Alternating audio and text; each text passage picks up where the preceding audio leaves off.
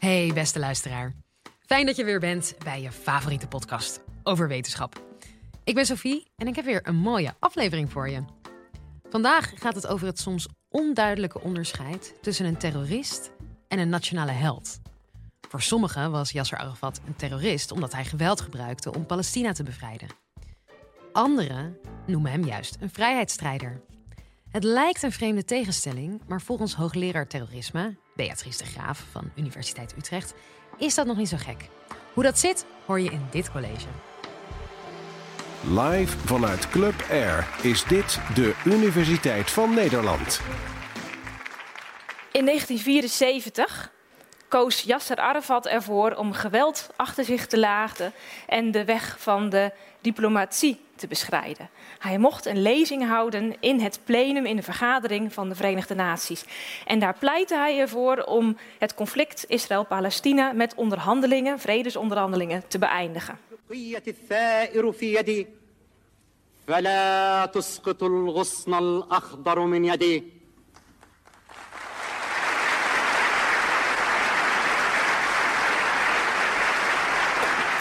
Hij kreeg een staande ovatie. Hij zei in deze lezing iets heel erg interessants. Hij zei: The difference between the revolutionary and the terrorist lies in the reason for which each fights. For whoever stands by a just cause and fights for freedom and liberation cannot possibly be called a terrorist. Hele mooie, breedsprakige redenvoering, maar eigenlijk zei hij: de een een terrorist is de ander een vrijheidsstrijder. En ik ben een vrijheidsstrijder, zei hij. Eigenlijk heeft de geschiedenis uitgewezen dat Arafat geen terrorist is. In 1974 werd hij een erkend staatsleider. Maar kijk nog even terug naar waar hij vandaan kwam. Hij was medeoprichter van Fatah, Palestijnse organisatie. Hij was eh, later dus de leider van het Front voor de Bevrijding van Palestina. Maar toen in 1970, 72 was hij nog een van de oprichters van Fata. En een afsplitsing van Fata, of misschien ook wel de bewapende tak van Fata, die precieze banden, daar uh, heerst oneenigheid over, was Black September, Zwarte September. En Zwarte September was verantwoordelijk voor een van de eerste grootschalige terroristische acties die wereldwijd live op televisie werden uitgezonden. Namelijk de aanslagen, of eigenlijk de inval in het uh, Olympisch kamp, het Olympisch dorp in München in 1972. Acht leden van Fatah vielen dat kamp binnen. Die namen elf Israëlische uh, atleten in gijzeling. En toen de Duitsers probeerden op een nogal klungelige ma manier een einde te maken aan die actie, bliezen ze de helikopters met die gijzelaars erin op. En daarbij vielen dus elf doden. Nou, dat was duidelijk terrorisme. Dat werd toen ook zo gedefinieerd. Maar je ziet dat twee jaar later, dus nog geen twee jaar na die aanslagen in München, dat er in één keer al veel meer oneenigheid is en dat Arafat dus wordt gevierd als een politiek leider. En in 72 werd dat wat Fatah deed nog door de VN als terrorisme gedefinieerd, maar in 74 gold wat Arafat deed als politiek vakmanschap. En dat is nou juist het punt wat ik in dit college aan de orde wil stellen. Dat terrorisme, en we weten het allemaal, maar het is toch goed om dat even tot ons door te laten dringen. Terrorisme is een buitengewoon glibberig begrip. Het is namelijk een heel subjectief begrip. Het hangt er heel erg van af wie het begrip op wie plakt. Het wordt natuurlijk vaak gebruikt om machthebbers, om hun tegenstanders monddood te maken, om volkomen bona fide democratische partijen neer te zetten als terroristen. En het wordt echt ook heel willekeurig gebruikt. Denk aan het plaatsen van tegenwoordig terrorismeverdachten op de zwarte lijsten van de VN en de EU. Het is heel moeilijk om daar precies een vinger achter te krijgen wie dat waarom doet. En wat Arafat eigenlijk betoogde in 1974 en met hem een heleboel andere landen in de Verenigde Naties, met name de Afrikaanse, de Arabische en de Aziatische landen, uh, die zeiden: wij willen ons niet achter zo'n definitie van terrorisme scharen. De definitie werd toen wel aangenomen, maar er was dus een grote minderheid van die landen tegen. Want ze zeiden: volkeren die zich ontworstelen aan een vreemde bezetting en uitbuiting, moeten alle middelen tot hun beschikking hebben, ook de gewelddadige terroristische middelen, om uh, die koloniale slavernij af te werpen. En de geschiedenis zal dan uitwijzen dat die uh, volkeren gelijk hebben. Nou, hoe, hoe, hoe, moet je nou dus aankijken tegen terrorisme? Kun je er dan überhaupt onderzoek naar doen? Je, ben je dan niet altijd iemand die partij kiest voor de zittende macht? Kan ik wel hoogleraar zijn op het gebied van terrorisme en veiligheid, geef ik dan niet steun aan de zittende macht? Nou, gelukkig zijn er tegenwoordig wel veel meer richtlijnen beschikbaar. Het is nog steeds een, een, heftige discussie, maar wat we zien is dat uh, de VN resoluties heeft aangenomen, dat de EU uitspraken doet, dat ook rechters uh, uh, uitspraken doen. Dus op het moment dat er in Nederland jihadisme verdachten worden aangeklaagd, door de politie en het OM voor de rechter worden gebracht, spreekt de rechter in heel veel gevallen dat soort verdachten ook weer vrij. Er zijn bijna 250 arrestaties geweest van terroristen, terrorismeverdachten, sinds 2004 in Nederland. En daarvan is uiteindelijk mijn handjevol echt veroordeeld. Dat geeft dus aan dat er ook binnen de autoriteiten geen eenduidigheid is over wat terrorist is. Nou, ik ben zelf van huis uit historicus. Ik heb geschiedenis gestudeerd. En ik denk dat juist historici belangrijke bijdragen kunnen leveren aan het terrorisme-debat. Dus ik denk wel degelijk dat je dit kunt bestuderen. Uh, ik doe zelf, ik probeer ook heel erg als historicus geen normatieve uitspraken te doen over terrorisme. Ik ga ook dus niet definiëren voor u vanavond wat een terrorist is. Wat ik doe is iets dat zit op een niveau hoger, namelijk wat betekent het?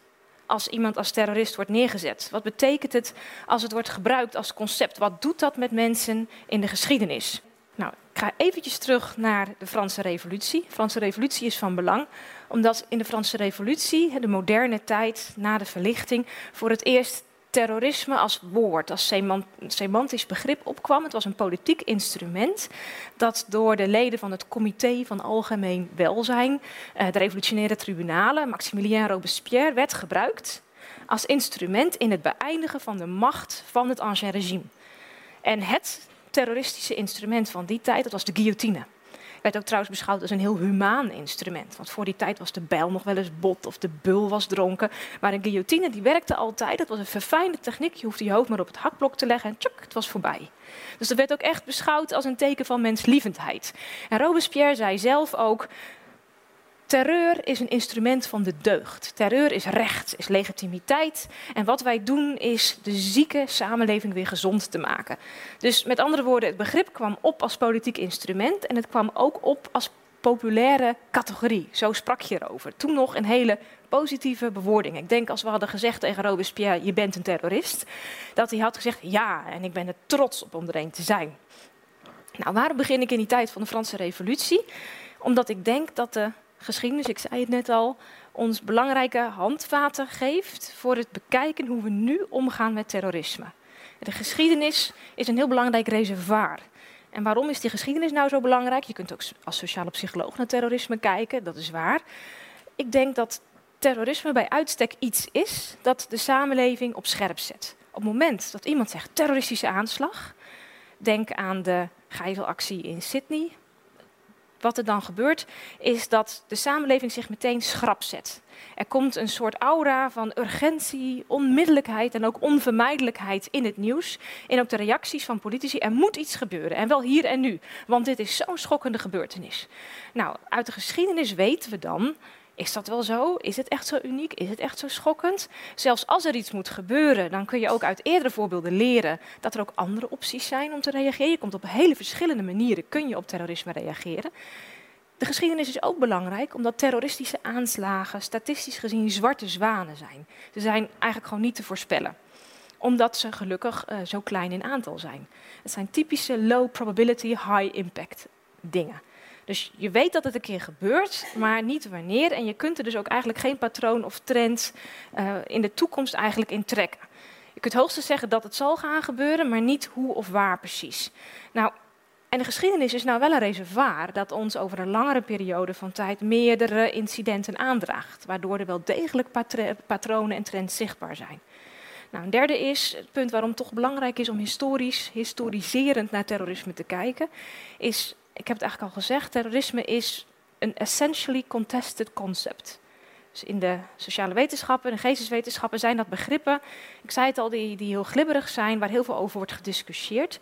En juist vanuit de geschiedenis kun je zien hoe een begrip is opgekomen, in de tijd van de Franse Revolutie, hoe het is gebruikt, door wie het is gebruikt, wanneer en met welk effect en hoe ermee is omgegaan. En wat ik zelf ook een hele interessante vraag vind die je aan de geschiedenis kunt stellen, is niet eens zozeer de vraag wie wordt er waarom een terrorist, Dat is eigenlijk een vraag, daar kun je eindeloos over discussiëren en speculeren, maar die kun je eigenlijk nooit beantwoorden. U en ik kunnen het allemaal worden. Er is niet één eenduidig psychologisch profiel van een terrorist vast te stellen. De gemiddelde terrorist is tussen de 18 en de 25, heeft bijna altijd gewoon zijn geestelijke capaciteiten op een rijtje, vaak hoger opgeleid, vaak man. Dus nou ja, Hè, hetzelfde, hetzelfde reservoir waaruit je uh, kunt putten bij studenten, uh, geschiedenis, rechten uh, of ook zelfs hooligans. Dus daar heb je niet zoveel aan. Wat je wel ook kunt zien is dat terrorisme iets anders is dan criminaliteit. Ik noemde al dat voorbeeld van de Franse revolutie en de guillotine. Robespierre, politiek instrument. Terroristen zijn soms crimineel, hebben soms een crimineel strafblad, maar hun daad is iets dat niet per se alleen maar crimineel is. Het is ook strafbaar, maar een crimineel dood, rooft, moord, vaak, niet altijd, vaak voor eigen doeleinden. Van een terrorist wordt gezegd, hij is niet alleen maar bezig met de persoon of de sabotagedaad die hij pleegt, maar hij heeft een groter publiek op het oog. De terrorist heeft eigenlijk drie publieken op het oog. Hij wil een politiek statement maken. De vijanden wil hij raken eventuele medestanders wil hij mobiliseren. Hij wil laten zien hoe sterk en goed en knap hij is. En in de hoop ook medestanders wakker te schudden. En de rest van de samenleving wil hij intimideren, schrik aanjagen. Dus een terrorist is bezig met het uitzenden van een boodschap over de hoofden van zijn slachtoffers heen. Of door de hoofden van zijn slachtoffers heen. Nou, wat ook interessant is aan terrorisme, en dat hangt ook samen met de moderne tijd en de opkomst van moderne communicatiemiddelen en internationale vernetzing, de, de, de, de, social networks die ook al in de 19e eeuw opkwamen, is dat er een theatraal element zit aan terrorisme. Ik heb een boek geschreven dat heet Het Theater van de Angst. Die term heb ik gekozen omdat het bij uitstek datgene is waar terroristen dus op uit zijn. Stel je een terroristische aanslag voor en niemand schrijft erover. Niemand hoort ervan dan heeft het dus geen enkel effect. De medewerker van uh, Arafat, een van de medeoprichters van, van Fatah, Abu Iyad, heeft later gezegd dat de aanslagen of de actie in München een groot succes waren. Hij zei tactisch, operationeel, logistiek hebben we niet bereikt wat we wilden, want die leden van uh, de Zwarte September die drongen dat Olympisch kamp binnen om Israël onder druk te zetten Palestijnse gevangenen vrij te laten. En dat is helemaal niet gelukt. Dus dat directe doel is mislukt. Maar hij zegt strategisch gezien was het een doorslaand succes. 6000 radio- en televisiejournalisten berichten in 1972 live over deze gebeurtenissen. Een wereldbevolking van 900 miljoen hoorde van het drama, het leed dat het Palestijnse volk werd aangedaan. En daarom was het een succes. En dat is dus dat theater van de angst. En uit de geschiedenis kun je dus leren hoe je met dat theater van de angst moet omgaan. Ik zei net al, mij interesseert minder wie er waarom een terrorist wordt. Wat mij interesseert is eerder wanneer stoppen terroristen? Kun je daarover iets leren uit de geschiedenis? En wat kunnen wij daaraan doen? Nou, een heel belangrijk punt is dat je wel of niet kunt meegaan in dat theater. Denk aan de mythes rond aanslagen. Moeten we meegaan in het theater? Nee. Aantallen aanslagen nemen niet altijd toe onderzoek in de geschiedenis laat juist zien, en er zijn allerlei databases aangelegd, dat uh, golven terroristisch geweld komen en gaan met dalen en pieken. Er zijn bijvoorbeeld toename van aanslagen geweest in de jaren 50 en 70 van de 20e eeuw, eind 19e eeuw, 2004 tot 2008. Maar daartussen waren er ook weer dalen tweede mythe die je uit de geschiedenis uh, die je kunt doorprikken op basis van de geschiedenis, is het feit dat terrorisme is dus ook niet iets wereldwijds bedreigends. Het wordt wel gezegd, hè? het is on the rise en het is overal. 90% van de aanslagen vinden plaats door terroristen die dat op drie kilometer van hun huis doen, gericht op hele kleine praktische politieke doelen. Merendeel van de aanslagen is gericht op behalen van territoriaal gewin, dus IRA, ETA, Corsicaans geweldachtig. Een derde mythe is die je uit de geschiedenis kunt halen. De meeste terroristen zijn klungels. Zijn amateuristen, gebruiken huistuin- en keukenmiddelen en meestal gaat het fout. De meeste aanslagen zijn dus ook niet dodelijk. Meer dan 60% van de aanslagen is niet dodelijk. De volgende aanslag zal niet een 9-11 zijn. Daarvoor zijn terroristen natuurlijk ook wel weer te slim of misschien juist te klungelig. Nou, conclusie is dat terrorisme een heel glibberig concept is. Het is heel subjectief concept. Het wordt zomaar ergens opgeplakt, soms ten onrechte. Soms zitten er wel degelijk hele gruweldaden achter. Als het dan eenmaal ergens op is geplakt, dan komt terrorisme en gaat in golven. En wat je dus wel kunt doen, is het aard, de aard en de impact van die golf zelf te, mede te bepalen. Ja, terroristen proberen met hun daad dus een theater van de angst te creëren. En je kunt dus zelf besluiten of je erin meegaat of niet als samenleving. We iets kunnen leren uit de geschiedenis is dat terroristische aanslagen nooit een democratische samenleving de das hebben omgedaan. Dat hebben de reacties uh, van de autoriteiten dan wel gedaan. Ik hoop dat je het een boeiend college vond. En ken jij nou ook een wetenschapper die je graag eens hier zou horen? Tip ons dan.